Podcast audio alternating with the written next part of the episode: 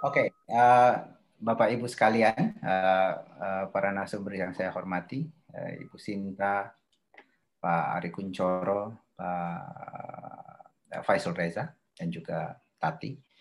Uh, jadi survei uh, SMRC pada minggu ini ya kita kita presentasikan pada minggu ini adalah tentang ekonomi COVID-19 dan persepsi publik tentang investasi dari luar negeri seperti tadi yang dikemukakan oleh uh, Mbak Tati Wardi, ini merupakan rangkaian survei, sudah enam kali kita rilis survei selama masa COVID-19 ini. Dan survei kali ini kita lakukan pada tanggal 29 Juli sampai dengan 1 Agustus 2020. Jadi kira-kira latar belakangnya begini, eh, kita semua tahu tentu saja bahwa ekonomi eh, rumah tangga maupun nasional selama pandemi COVID-19 ini uh, sangat berat. Itu tergambar dari survei-survei uh, mingguan yang kita lakukan.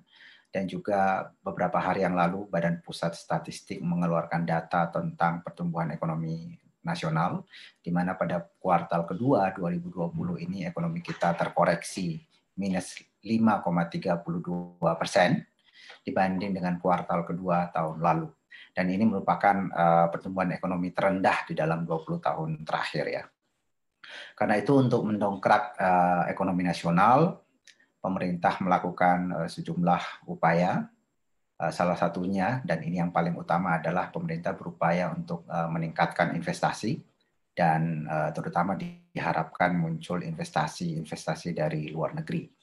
Sejauh ini investasi di Indonesia itu dinilai kurang menarik atau kurang kompetitif dibanding dengan negara-negara tetangga.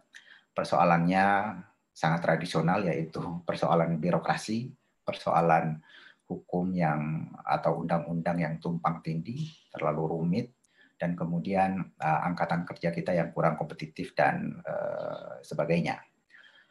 Lalu kemudian muncul inisiatif pemerintah untuk uh, apa namanya uh, mengusulkan RUU Cipta Kerja yang salah satu intinya atau yang paling pokok dari RUU itu adalah peningkatan investasi. Pemerintah menilai bahwa RUU Cipta Kerja ini di masa COVID-19 ketika kita uh, mengalami krisis ini justru semakin mendesak untuk disahkan untuk membuat iklim investasi di tanah air menjadi lebih baik. Karena investasi dari luar negeri menjadi salah satu sasaran utama RUU tersebut, maka pada masyarakat seperti masyarakat Indonesia yang terbuka, itu pemahaman dan sikap publik tentang investasi dari luar negeri ini dan hubungannya dengan perbaikan ekonomi nasional itu penting untuk diketahui. Jadi sentimen positif publik terhadap investasi di, diharapkan uh, ikut membantu menciptakan iklim kondusif bagi investasi di Indonesia. Nah, itu banyak studi yang mengemukakan ini bagaimana hubungan antara persepsi publik mengenai investasi dan pertumbuhan investasi itu sendiri uh, salah satu studi yang dilakukan oleh eh, Jacobsen, Joe Jacobsen dan Todd G. Jacobsen ini pada tahun 2011 dia meneliti 42 negara berkembang atau negara-negara yang berada di luar OECD terhadap hubungan antara opini publik dan uh, bagaimana investasi itu tumbuh. Dia menemukan bahwa opini publik yang positif terhadap investasi itu membantu menarik investor untuk masuk. Nah, seberapa positif atau negatif warga pada umumnya dengan investasi dari luar negeri ini, kita di SMRC melakukan jejak pendapat atau survei opini publik terhadap warga secara nasional. Kita lakukan pada tanggal 29 Juli sampai dengan 1 Agustus 2020. Survei eh, SMRC eh, selama ini rutin melakukan survei nasional secara tatap muka. Uh, ya survei nasional itu uh, merangkum pendapat publik uh, dan populasi dari survei itu adalah pemilik uh, populasi warga negara Indonesia yang berusia 17 tahun ke atas atau sudah menikah. Ini kita lakukan rutin beberapa bulan sekali atau tiga sampai empat kali dalam setahun biasanya. Dan itu kita lakukan wawancara dengan tatap muka atau wawancara langsung. Lalu untuk mengetahui perkembangan isu-isu terkini, isu-isu mutakhir, maka kita lakukan survei melalui telepon terhadap responden survei sebelumnya, yaitu terhadap responden survei tatap muka itu. Sampel survei dengan telepon ini hanya hanya untuk responden yang memiliki telepon atau handphone itu sebesar 71 persen dari populasi nasional. Survei lewat telepon dengan mempertimbangkan aspek metodologis secara seksama ini eh, kami rasa adalah cara yang paling mungkin untuk melihat opini publik di tengah upaya warga untuk melakukan social distancing. Nah, untuk mendapatkan sampel dari sampel yang proporsional dari responden yang memiliki telepon tersebut terhadap karakteristik populasi nasional dilakukan pembobotan terhadap uh, sampel terpilih.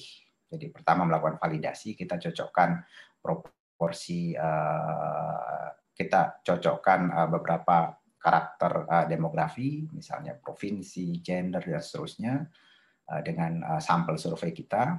Kalau ternyata ada sampel yang secara signifikan berbeda, kita kemudian melakukan pembobotan. Sampel yang kita wawancara itu 1203. Ini dipilih secara acak dari koleksi sampel acak survei tetap muka yang telah dilakukan SMRC sebelumnya dengan jumlah proporsional menurut provinsi untuk mewakili pemilih nasional. Margin of error dari survei ini diperkirakan 2,9 persen pada tingkat kepercayaan 95 persen, asumsi simple random sampling wawancara yang terakhir kita lakukan yang sekarang akan kita presentasikan ini adalah 29 Juli sekali lagi sampai 1 Agustus 2020. Sebelumnya kita melakukan uh, survei uh, mingguan. Ya, kita bisa dilihat datanya di secara lengkap di sini. Eh, kira-kira begini alurnya dari populasi kita acak menggunakan stratified dan multi-stage random sampling untuk mendapatkan sampel yang kemudian kita wawancara secara langsung survei tatap muka. Nah, dari dari sejumlah survei tatap muka itu kita kemudian random lagi dengan menggunakan stratified random sampling dan kemudian itu kita wawancara melalui telepon. Jadi ada dua tahap uh, randomnya. Kira-kira ini bisa dilihat ya secara detail nanti di uh, rilis kita. Tadi saya sudah sebutkan ini kita melakukan validasi sampel. Jadi sampel hasil survei divalidasi dengan membandingkan komposisi, komposisi demografi sampel dengan populasi hasil sensus BPS. Demografi itu meliputi provinsi, gender, desa, kota, umur, etnis, dan agama. Kalau ada perbedaan signifikan antara demografi sampel dengan populasi, kita lakukan pembobotan data dan ini biasa dilakukan di dalam eh, survei. Kira-kira ini bisa dibaca secara detail ya. Nah, pengalaman survei telepon kita, saya kira ini penting.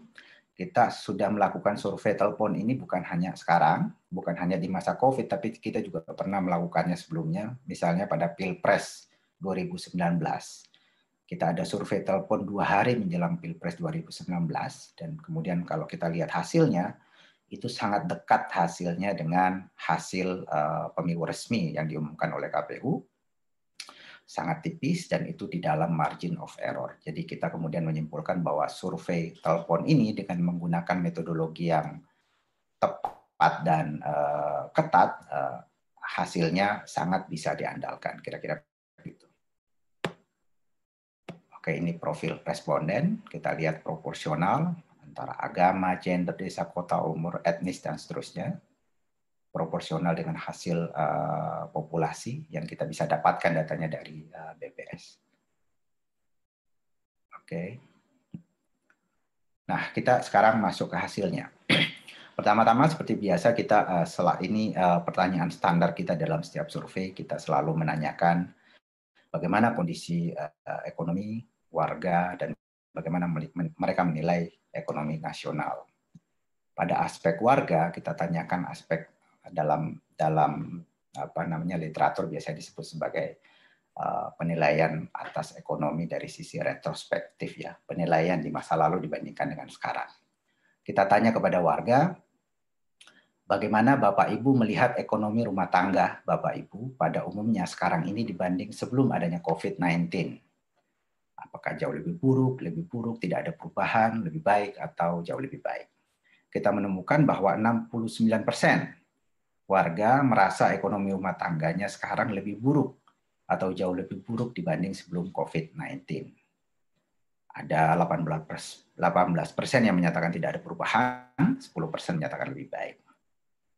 Kalau kita lihat trennya, eh, ada fluktuasi uh, angka di sini kita melihat bahwa sebelum COVID-19 30 hanya 38 persen yang warga yang menyatakan uh, keadaan ekonomi uh, rumah tangga itu lebih buruk atau sangat jauh lebih buruk dibanding tahun sebelumnya.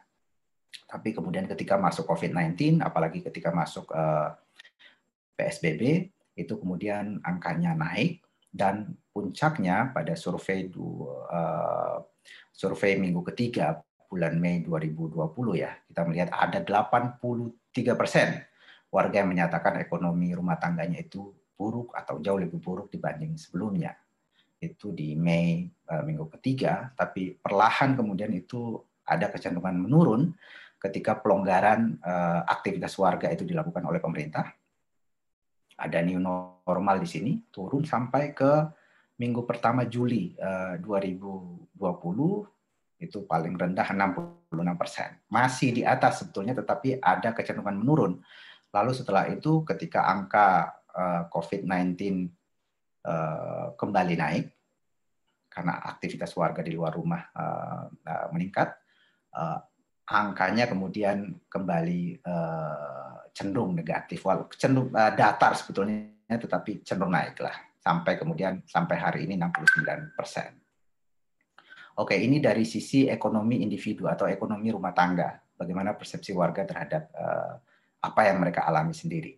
Sekarang kita tanya uh, pandangan mereka tentang ekonomi nasional. Jadi sosiotropik, uh, retrospektif ekonomi, uh, apa namanya evaluation lah kira-kira begitu. Kita tanya kepada mereka bagaimana mereka melihat keadaan ekonomi nasional pada umumnya sekarang ini dibanding tahun lalu mayoritas warga, kalau kita jumlah yang jauh lebih buruk dan lebih buruk ini, 87 persen menilai kondisi ekonomi nasional sekarang lebih buruk atau jauh lebih buruk dibanding tahun lalu. Hanya ada 10 persen yang menyatakan tidak ada perubahan dan yang menyatakan lebih baik 2 persen. Kalau kita lihat trennya, itu mirip dengan tren ekonomi rumah tangga tadi, tetapi ini uh, lebih besar ya. Pada survei 20 sampai 22 Mei 2020 itu angkanya sampai 92 persen dari lebih dari satu lebih dari sembilan dari 10 orang Indonesia itu menyatakan lebih buruk ketika itu tapi kemudian turun sampai di awal Juli lalu kemudian uh, cenderung naik lagi dan sekarang 87 persen. Jadi kira-kira kesimpulannya ekonomi uh, warga baik di tingkat individual atau rumah tangga maupun tingkat nasional itu sangat berat di masa COVID-19 ini dan ini terberat dalam 20 tahun reformasi ya. Oke. Nah, sekarang kita masuk ke dalam uh, tentang investasi. Jadi untuk mengatasi persoalan ini kemudian uh, pemerintah kan mengharapkan ada pembukaan lapangan kerja yang besar, investasi masuk ke Indonesia tetapi uh, uh, kita butuh tahu persepsi publik sendiri tentang investasi itu bagaimana, terutama investasi dari luar negeri.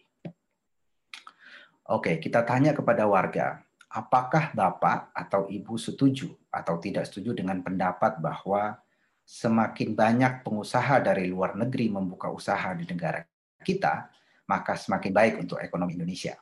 Kita lihat angkanya, 37 persen yang menyatakan setuju dengan pandangan itu, lebih banyak yang menyatakan tidak setuju, yaitu 54 persen. Sementara 5 persen, eh, 9 persen menyatakan uh, atau tidak jawab atau uh, tidak tahu.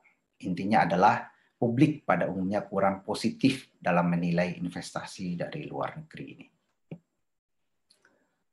Nah, kalau kita uh, urai uh, pertanyaan ini kita masukkan uh, beberapa nama negara asal kemungkinan asal investasi itu. Misalnya uh, kita sebut di sini ada tiga negara yaitu uh, Republik Rakyat Tiongkok atau Republik Rakyat Cina RRC RRC dan Jepang kemudian Malaysia. Kita tanya kepada warga apakah ibu bapak setuju atau tidak setuju dengan pendapat bahwa semakin banyak pengusaha dari RRC atau dari Jepang atau dari Malaysia membuka usaha di negara kita, maka akan semakin baik untuk ekonomi Indonesia.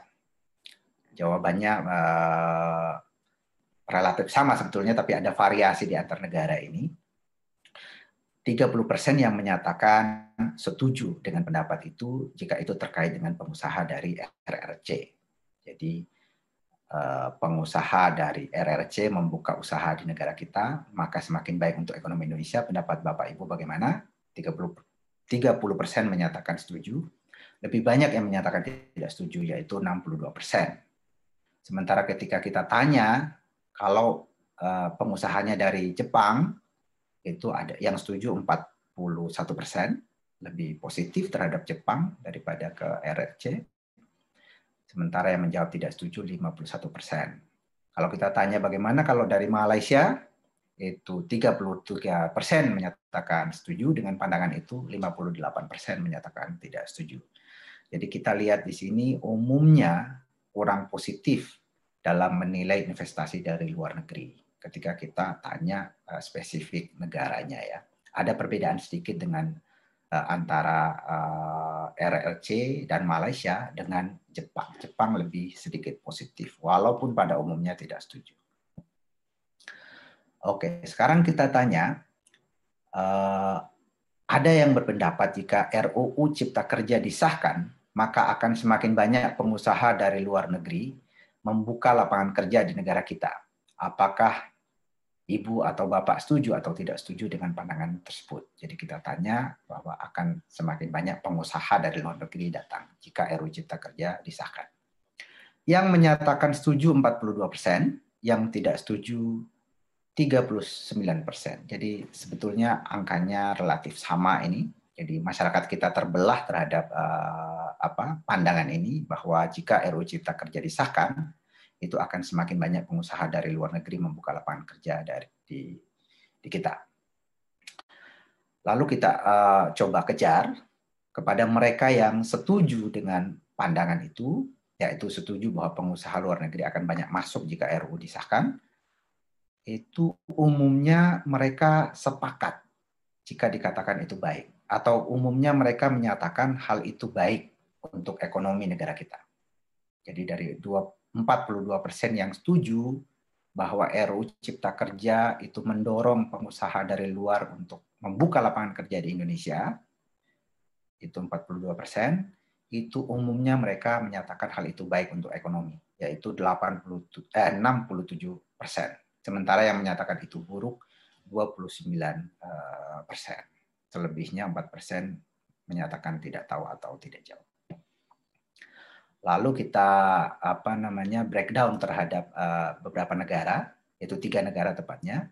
Kita tanya ada yang berpendapat jika RUU Cipta Kerja disahkan, maka akan semakin banyak pengusaha dari negara RRC atau Jepang atau Malaysia membuka lapangan lapangan kerja di negara kita.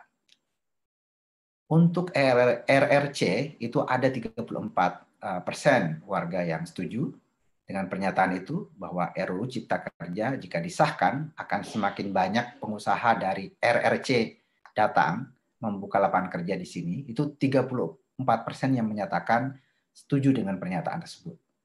49 persen menyatakan uh, tidak setuju. Kalau Jepang 41 persen yang tidak setuju uh, 40 persen. Sementara Malaysia itu mirip dengan yang RRC 36 persen yang menyatakan setuju dengan pernyataan itu, 44 persen yang tidak setuju. Jadi lebih banyak yang menyatakan ya, kira-kira secara umum lebih banyak yang menyatakan uh, tidak setuju bahwa sejumlah negara ini akan apa namanya jika RUU Cipta Kerja disahkan maka akan bang, akan banyak makin banyak pengusaha dari uh, tiga negara ini datang ke Indonesia. Angkanya agak dekat tetapi kecenderungannya lebih tidak setuju ya. Nah, sekarang kita tanya, dari yang setuju dengan pernyataan itu, apa pandangannya? Apakah itu baik atau buruk untuk ekonomi negara kita? 60 60 persen yang dari 34 persen yang setuju tadi eh, bahwa jika RU, RU Cipta Kerja disahkan maka semakin banyak pengusaha dari Cina datang ke Indonesia itu 60 persen di antaranya menyatakan itu baik 72 persen untuk Jepang menyatakan itu baik, 67 persen untuk Malaysia menyatakan itu baik. Jadi kecenderungannya umumnya mereka yang setuju bahwa atau mereka yang berpandangan bahwa RUU Cipta Kerja itu akan mendatangkan pengusaha dari tiga negara ini datang dan membuka lapangan kerja di negara kita, itu umumnya mereka uh, punya pandangan yang positif tentang uh, hal itu. Oke, sekarang kita tanya dari aspek pekerja. Saya kira ini juga isu yang banyak dibicarakan oleh publik ya. Salah satu penolak bentuk penolakan terhadap RUU Cipta Kerja ini adalah isu bahwa akan banyak pekerja dari luar datang ke Indonesia. Sekarang kita tanya ke publik apa pandangannya. Ah, kita bentuk pertanyaannya eh, sama seperti itu, tapi kita ganti dengan eh, pekerja ya. Ada yang berpendapat jika RUU RUU Cipta Kerja disahkan, maka akan semakin banyak pekerja dari negara RRC, Jepang, atau Malaysia bekerja di negara kita. Untuk RRC, 36 persen yang setuju dengan pernyataan itu, 45 persen tidak setuju. Untuk eh, Jepang, 32 persen yang setuju dengan bahwa jika RUU Cipta Kerja disahkan, akan semakin banyak pekerja dari Jepang datang dan bekerja di Indonesia, itu 32 persen yang tidak setuju dengan pernyataan itu 49 persen. Sementara Malaysia itu 35 persen yang setuju dan yang tidak setuju 47 persen. Kita bisa lihat di sini bahwa umumnya uh, warga itu tidak setuju dengan pernyataan bahwa jika RUU Cipta Kerja disahkan, makin banyak pekerja dari negara tiga negara ini akan datang dan bekerja di negara kita. Umumnya mereka tidak percaya itu Eh, lalu kemudian kita uh, kejar lagi, kita tanya kepada yang setuju tadi, apakah kalau itu terjadi itu baik atau buruk untuk ekonomi kita?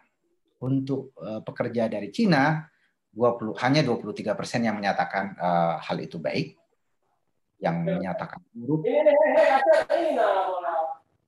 Uh, 75 persen, Sementara kalau dari Jepang itu 35 eh, persen yang menyatakan baik, 63 persen yang menyatakan buruk. Dari Malaysia 30 persen yang menyatakan baik dan 68 persen yang menyatakan buruk.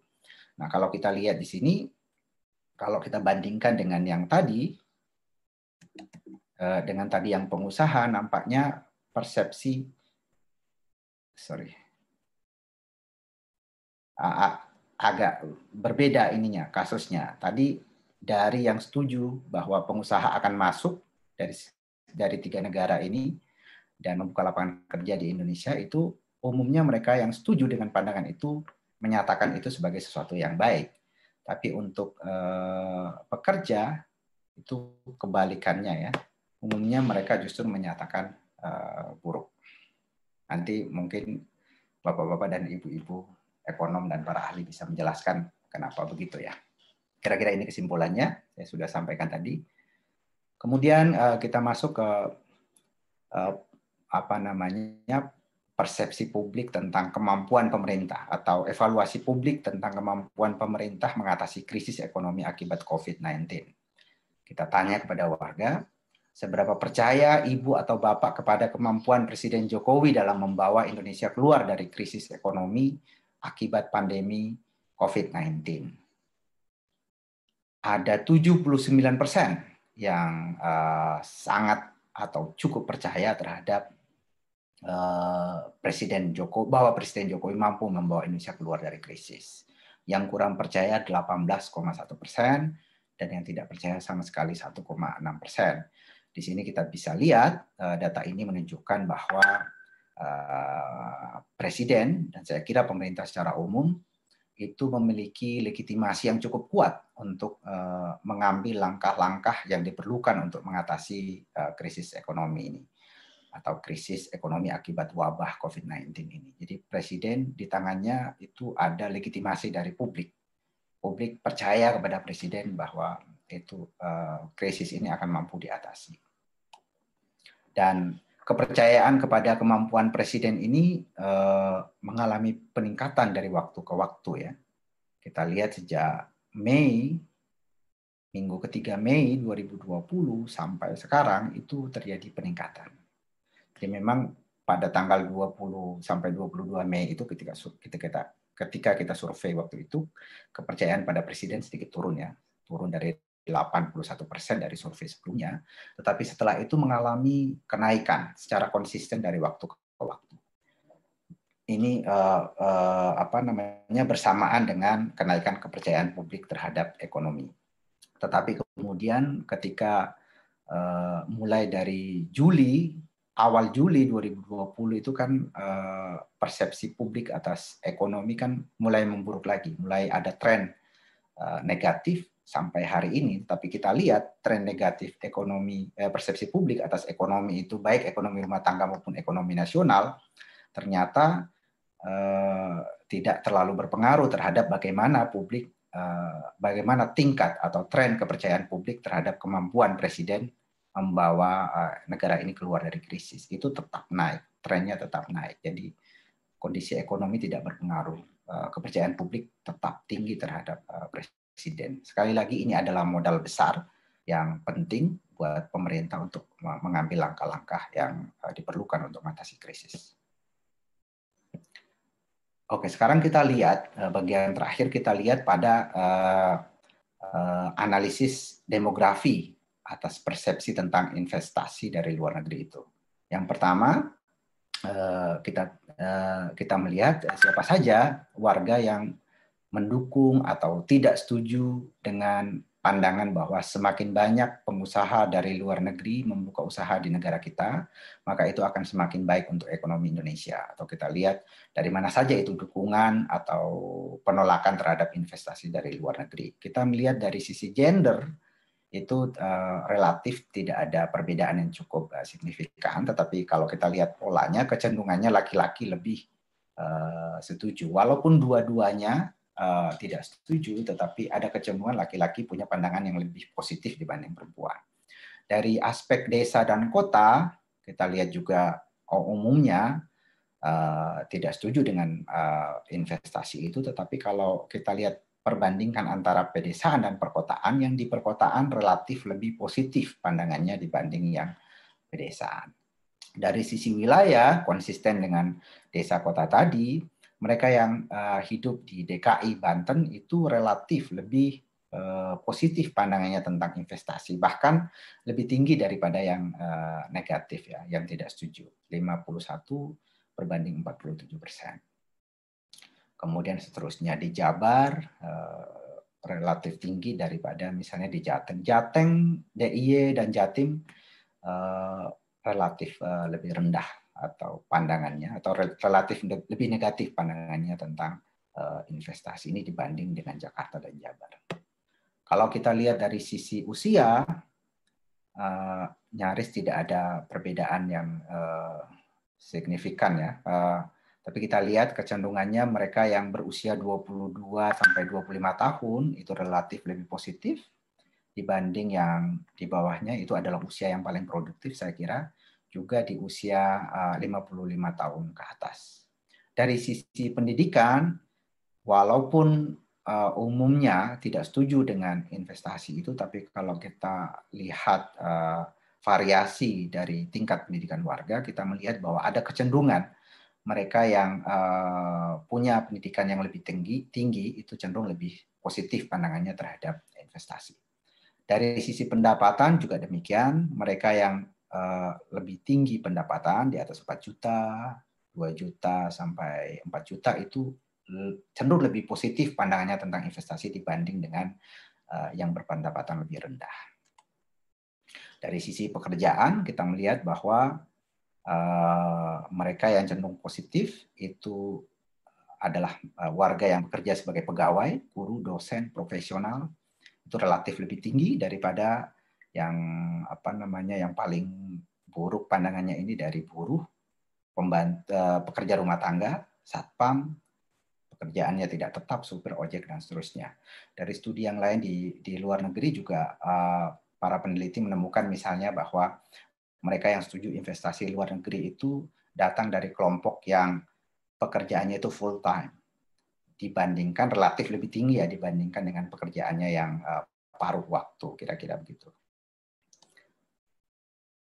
Sekarang kalau kita uh, coba uh, lihat uh, dari sisi uh, warga yang menilai uh, positif atau uh, warga yang menilai keadaan ekonomi rumah tangga dan ekonomi nasional dibandingkan dengan persetujuan mereka terhadap investasi uh, luar negeri. Kita melihat bahwa mereka yang setuju investasi dari luar negeri itu kecenderungannya datang dari warga yang menilai ekonomi rumah tangga jauh lebih buruk. Jadi 53 persen yang menyatakan setuju dengan investasi itu, yang tidak setuju 42 persen.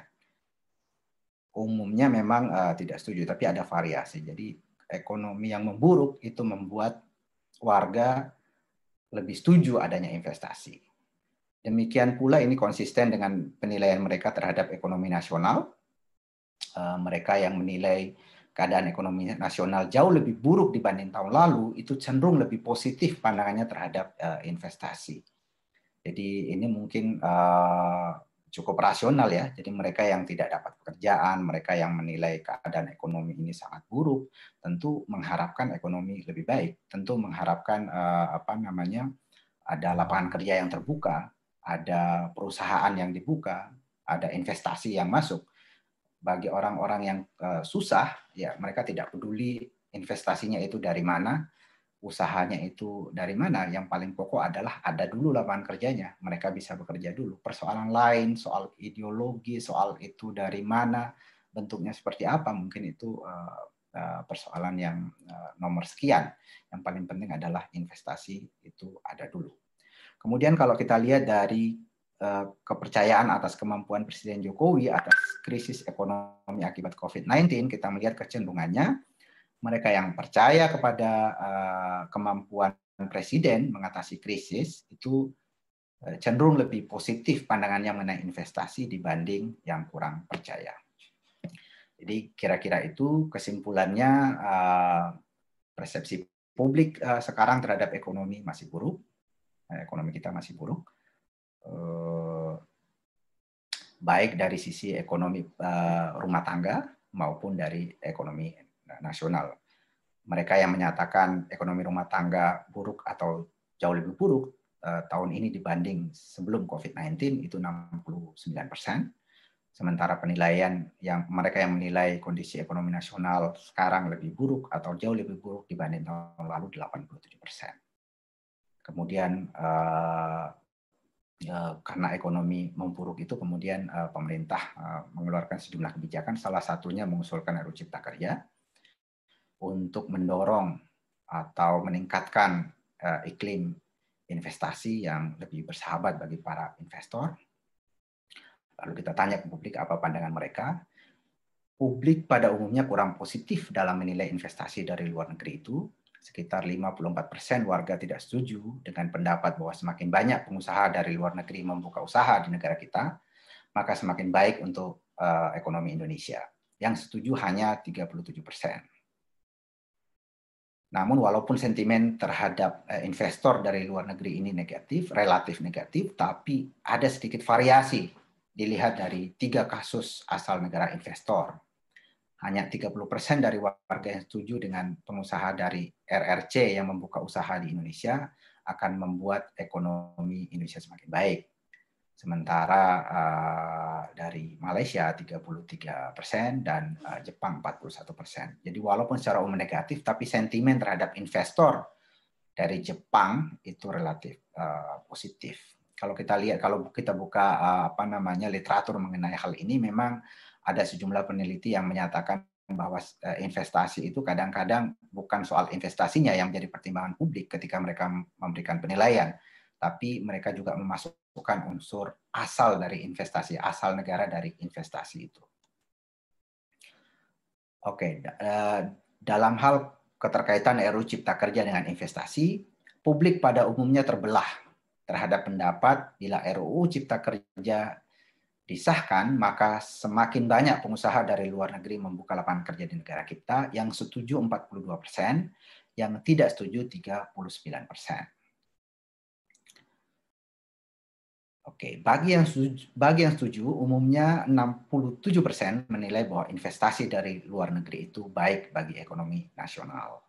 Ini juga penting ini eh, bahwa mereka yang eh, setuju dengan pandangan itu menilai bahwa uh, investasi ini dari luar negeri ini baik buat ekonomi nasional. Nah, dalam uh, kasus tiga negara asal investasi dari Jepang secara konsisten dinilai lebih positif dibanding investor dari RRC dan Malaysia. Sementara itu dalam isu persaingan tenaga kerja global, ini cenderung lebih positif, ya lebih negatif lagi. Ada sekitar 32 sampai 36 persen warga setuju dengan pendapat bahwa bila RUU Cipta Kerja disahkan, maka semakin banyak pekerja dari RRC, Jepang, dan Malaysia bekerja di negara kita. Yang tidak setuju lebih banyak, 45 sampai 49 persen. Bagi yang setuju, sebagian besar menilai bahwa masuknya tenaga kerja dari tiga negara tersebut negatif bagi ekonomi negara kita. Nah, sikap warga atas investasi dari luar negeri tampaknya berkaitan dengan tingkat pendidikan dan penilaian atas kondisi ekonomi. Jadi semakin tinggi tingkat pendidikan dan semakin tinggi uh, pendapatan, itu penilaiannya terhadap investasi dari luar negeri relatif lebih positif dibanding yang berpendidikan lebih rendah dan berpendidikan uh, uh, dan yang berpendapatan lebih rendah dari sisi ya saya kira ini uh, perlu digarisbawahi. Itu artinya bahwa uh, kepercayaan diri publik dalam menghadapi uh, apa namanya persaingan usaha uh, kepercayaan publik dalam menghadapi uh, apa namanya munculnya tenaga kerja dari uh, luar negeri misalnya itu sangat tergantung kepada pendidikan warga. Jadi saya kira ini uh, perlu menjadi perhatian bagi pemerintah. Jadi stakeholders yang terlibat di dalam peningkatan mutu sumber daya manusia, Kementerian Pendidikan, Kementerian Tenaga Kerja dan lain-lain itu perlu uh, merespon ini secara uh, lebih serius bahwa jika ingin meningkatkan persepsi positif pada investasi, saya kira kemampuan warga, kualitas sumber daya manusia warga itu perlu juga disiapkan secara lebih baik agar mereka mampu menghadapi atau siap menghadapi persaingan. Sentimen publik yang kurang positif terhadap investasi dari luar dan keterbukaan terhadap tenaga kerja global ini bisa menghambat ketertarikan investor untuk berinvestasi di Indonesia. Kita tadi sudah sudah sebut ada penelitian dari Jacobson Jacobson yang menilai uh, uh, yang uh, menemukan hal tersebut. Kira-kira demikian Tadi mudah-mudahan uh, ada manfaatnya. Terima kasih.